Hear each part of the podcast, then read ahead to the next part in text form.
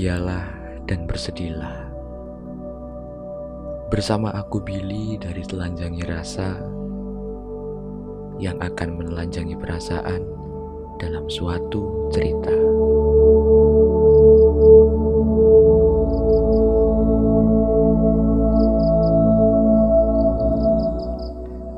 Ketika kepercayaan sudah kamu berikan sepenuhnya kepada sahabatmu, tapi malah disia-siakan.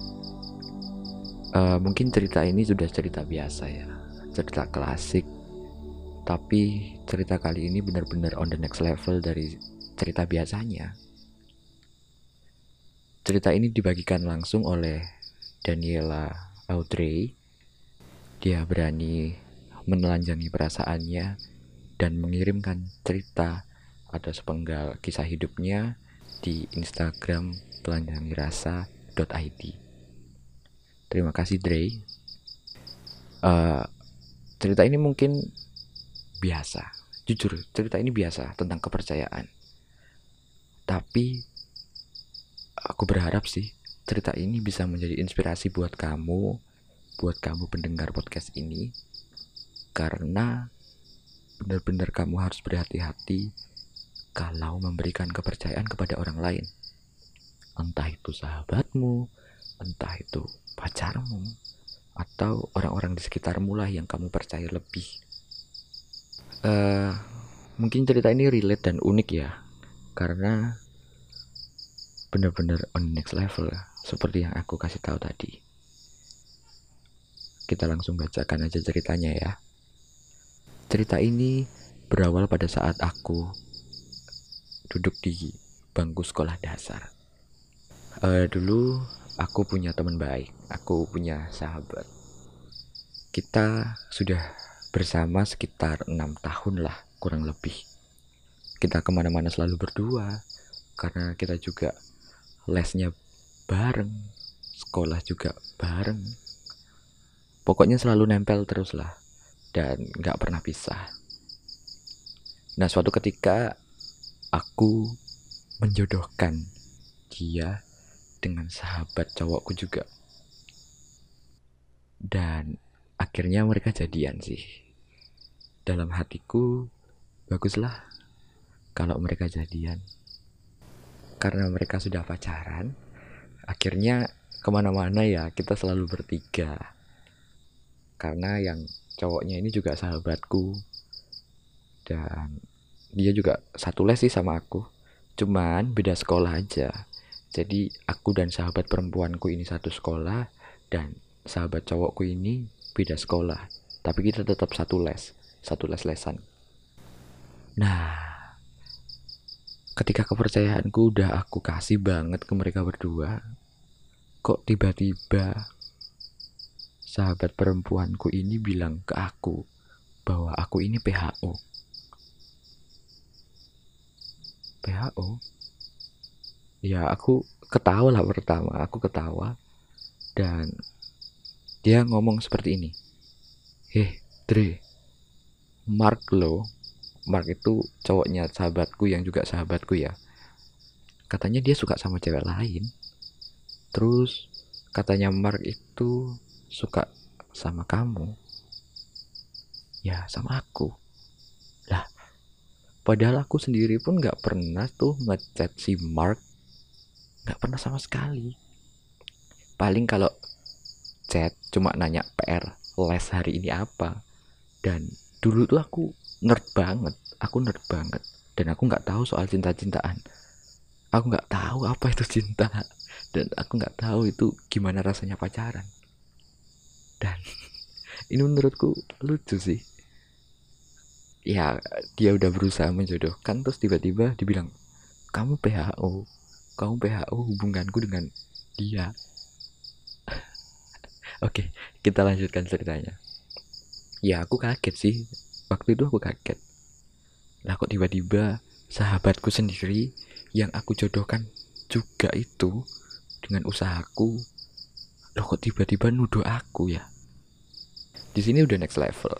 Bagi Audrey di sini adalah kisah next levelnya karena dengan usahanya dia kok malah dituduh menjadi PHO. Beberapa waktu kemudian kita berujung pada pertengkaran. Ya karena cowok itu, karena si Mark. Padahal kan aku udah ngomong, aku tuh nggak seneng sama Mark. Dan yang jodohin tuh aku loh. Mereka literally udah pacaran juga. Ya akhirnya tengkar ya tengkarnya hanya tengkar diem-dieman sih. Yang paling aku kecewakan adalah mereka membuli aku. Karena ini di luar dari kita bertiga ada salah satu anak yang memang gak suka sama aku ya sebut saja dia P karena dia iri sama aku uh, situasinya seperti ini sahabatku itu tipikal anak populer dan aku ini tipikal anak yang nerd karena biasanya di sekolah-sekolah itu anak populer selalu punya satu temen yang ya nerd yang pinter lah. Pinter dalam akademis di situ. Nah si P ini tadi iri banget sama aku. Soalnya aku deket sama sahabatku yang anak populer ini. Karena ada juga sih yang termasuk dari faktor kenapa dia bisa iri yaitu dia nggak bisa nandingin nilai-nilai mata pelajaranku waktu itu Aku sampai heran kenapa dia bisa iri sama aku. Dan akhirnya ya sudahlah. Dia ngasut sahabatku ini, sahabat dekatku banget ini yang enam tahun bareng, supaya nggak seneng sama aku. Cuman setidaknya teman-teman lain yang di luar dari cerita ini nggak kemakan omongannya si P ini sih. Untungnya nggak kemakan omongannya si P. Tapi di waktu itu cukup membuat aku depresi. Aku pribadi ya, aku pribadi membayangkan di masa SD kamu sudah bisa merasakan hal ini dan depresi. Ini terlalu dini untuk kamu rasakan. Sejujurnya terlalu dini. Bisa jadi ini cuma cinta monyet-monyet. Iyalah, oke. Okay. Kita tahu ya. Waktu SD itu memang cinta monyet. Cuman ada salah satu tindakan yang berujung depresi karena ada pertengkaran, ada pembulian di sini. Kenapa aku bisa depresi? Ini kita lanjut ke ceritanya ya. Karena mereka itu sahabat cewekku dan sahabat cowokku yang namanya Mark ini hilang. Dan aku kehilangan dua sahabat sekaligus. Dan jujur aku nangis. Nangis karena aku nggak tahu cinta-cintaan. Dan itu SD aku dipegang cowok aja takut hamil. Audrey ampun karena masih SD ya dipegang cowok aja takut hamil ya ampun ya akhirnya fix aku dijauhin sama kedua sahabatku dan juga si P ini. Tapi kedua sahabatku ini kok aduh kok dia sama sekali tidak minta maaf ke aku karena sudah berperilaku demikian.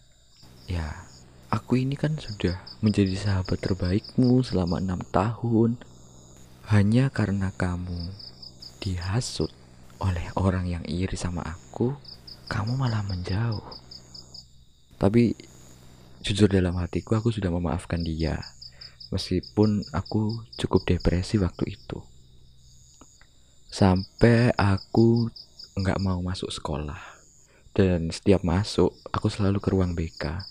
Dan selalu menangis ketika di dalam ruangan BK sampai keluar ruang BK pun aku masih nangis. Setiap hari mataku sembab. Kayak apa ya? Satu, aku kehilangan dua sosok yang sangat aku sayang dan aku percayai. Itu pertama. Dan kedua, kamu literally dijelek-jelekan sama orang itu. Orang yang iri sama aku dan menghasut sahabatku berdua ini. Lalu yang ketiga, dan dia sudah gak percaya sama aku lagi. Padahal aku udah percaya banget sama dia. Dan itu yang membuat aku sakit hati. Dan ini salah satu yang bagian yang paling aku takutkan ketika kita sudah sakit hati dan depresi yaitu self harm. Karena author tulis di sini sampai pernah kepikiran buat self harm juga. Tapi untungnya nggak ngelakuin akhirnya. Hanya kepikiran saja.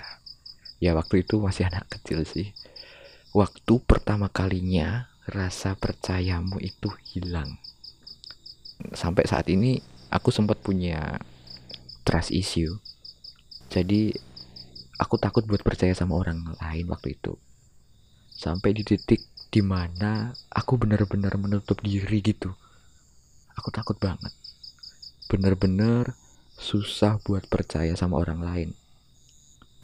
Sampai aku SMP, aku masuk SMP awal-awal itu aku hanya diem gak pernah percaya sama satu orang pun dan itu berdampak sampai aku punya trust issue tadi ya ya bayangkan aja seorang anak kecil yang gak tahu apa-apa. Ya bayangkan aja anak kecil yang gak tahu apa-apa tiba-tiba mengalami hal kayak gini. Di mana pada umur segitu adalah masa perkembangan anak yang ya aku tahu sih memang masa perkembangan untuk mempelajari dunia ya. Tentang dunia itu apa sih? Bagaimana mengelola perasaan mengelola emosi di mana kamu sudah mulai naik menjadi remaja dan masuk SMP ya akhirnya jujur aku dapat pengalaman dan luka lama ini membawa pelajaran untuk hari ini dan seterusnya. Ya setidaknya aku belajar dari luka itu sih. Walaupun sampai saat ini aku tetap nggak bisa two face aku nggak bisa menjadi orang yang bermuka dua ya. Ya itu cerita aku sih cerita yang membuat pelajaran banyak buat aku secara pribadi bagaimana memberikan perasaan kepada seseorang yang kamu sayangi banget terutama sahabatmu dan perasaan itu disia-siakan. Oke, jadi begitu ya ceritanya yang dikirimkan oleh salah satu pendengar. Di sini nggak hanya aku ya yang diceritakan, yang menjadi jembatan lah. Cerita ini bisa sampai ke kalian yang mendengarkan podcast pada saat ini. Benar-benar ini adalah pelajaran penting. Aku melihatnya pelajaran penting karena apa ya bayangkan kamu pada saat kecil. Kira-kira SD kelas berapa ini ya? Mungkin kalau bisa ditebak ini SD kelas 6 kelas 5 karena waktu itu sampai SMP dia punya trust issue akhirnya sampai sekarang. Sampai sekarang punya trust issue dan ya susah untuk percaya kepada orang lain. Sekarang kita bayangkan waktu kita masih kecil. Waktu kita masih kecil itu merupakan momen waktu atau peristiwa-peristiwa emas yang membentuk kita hingga saat ini, hingga sedewasa ini. Di mana kamu mengalami luka, di mana kamu mengalami kegagalan, dan itu masuk dalam alam bawah sadar kalian. Karena ujung-ujungnya ujung-ujungnya pasti ya pada saat kamu sudah dewasa itu berpengaruh banget sih dalam hidup kamu di samping kamu sudah punya pengalaman kayak gitu kamu pasti menjadi anak yang sangat berhati-hati dalam memberikan kepercayaan. Memang kita nggak boleh sembarangan ya memberikan kepercayaan karena jujur kepercayaan itu harus dibagi berapa persen berapa persen berapa persen kepada orang-orang di sekitarmu. Mungkin kepada pacarmu misal kita itu sebenarnya tidak boleh percaya 100% kepada pacarmu. Kepada pacar kita. Karena apa? Mungkin teman-teman agak bingung ya. Karena setiap orang itu memiliki kesalahan. Memiliki beberapa ya seperti apa ya? Kalau bisa dibilang kayak ya ya manusia ya. Manusia kan penuh salah ya manusia nggak ada yang benar dan suatu saat kepercayaan yang kamu berikan 100% itu disalahgunakan jelas kamu pasti sakit hati jelas pasti kamu sakit dan tidak mau memberi kepercayaan itu kepada orang lain. Sehingga dampaknya ada trust issue tadi yang Audrey rasakan sampai saat ini. Padahal kejadiannya waktu.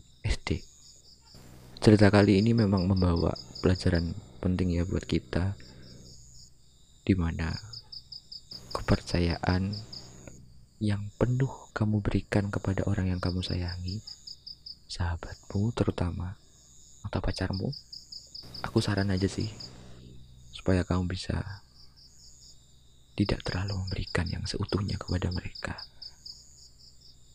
Kamu harus memberikan kepercayaan itu kepada dirimu sendiri.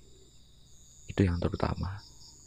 Karena kamu yang punya hidup, tanganmu kamu pegang sendiri, kakimu kamu buat jalan sendiri, otakmu kamu buat berpikir sendiri, dan harus kamu bagikan dan lalu disia-siakan begitu saja.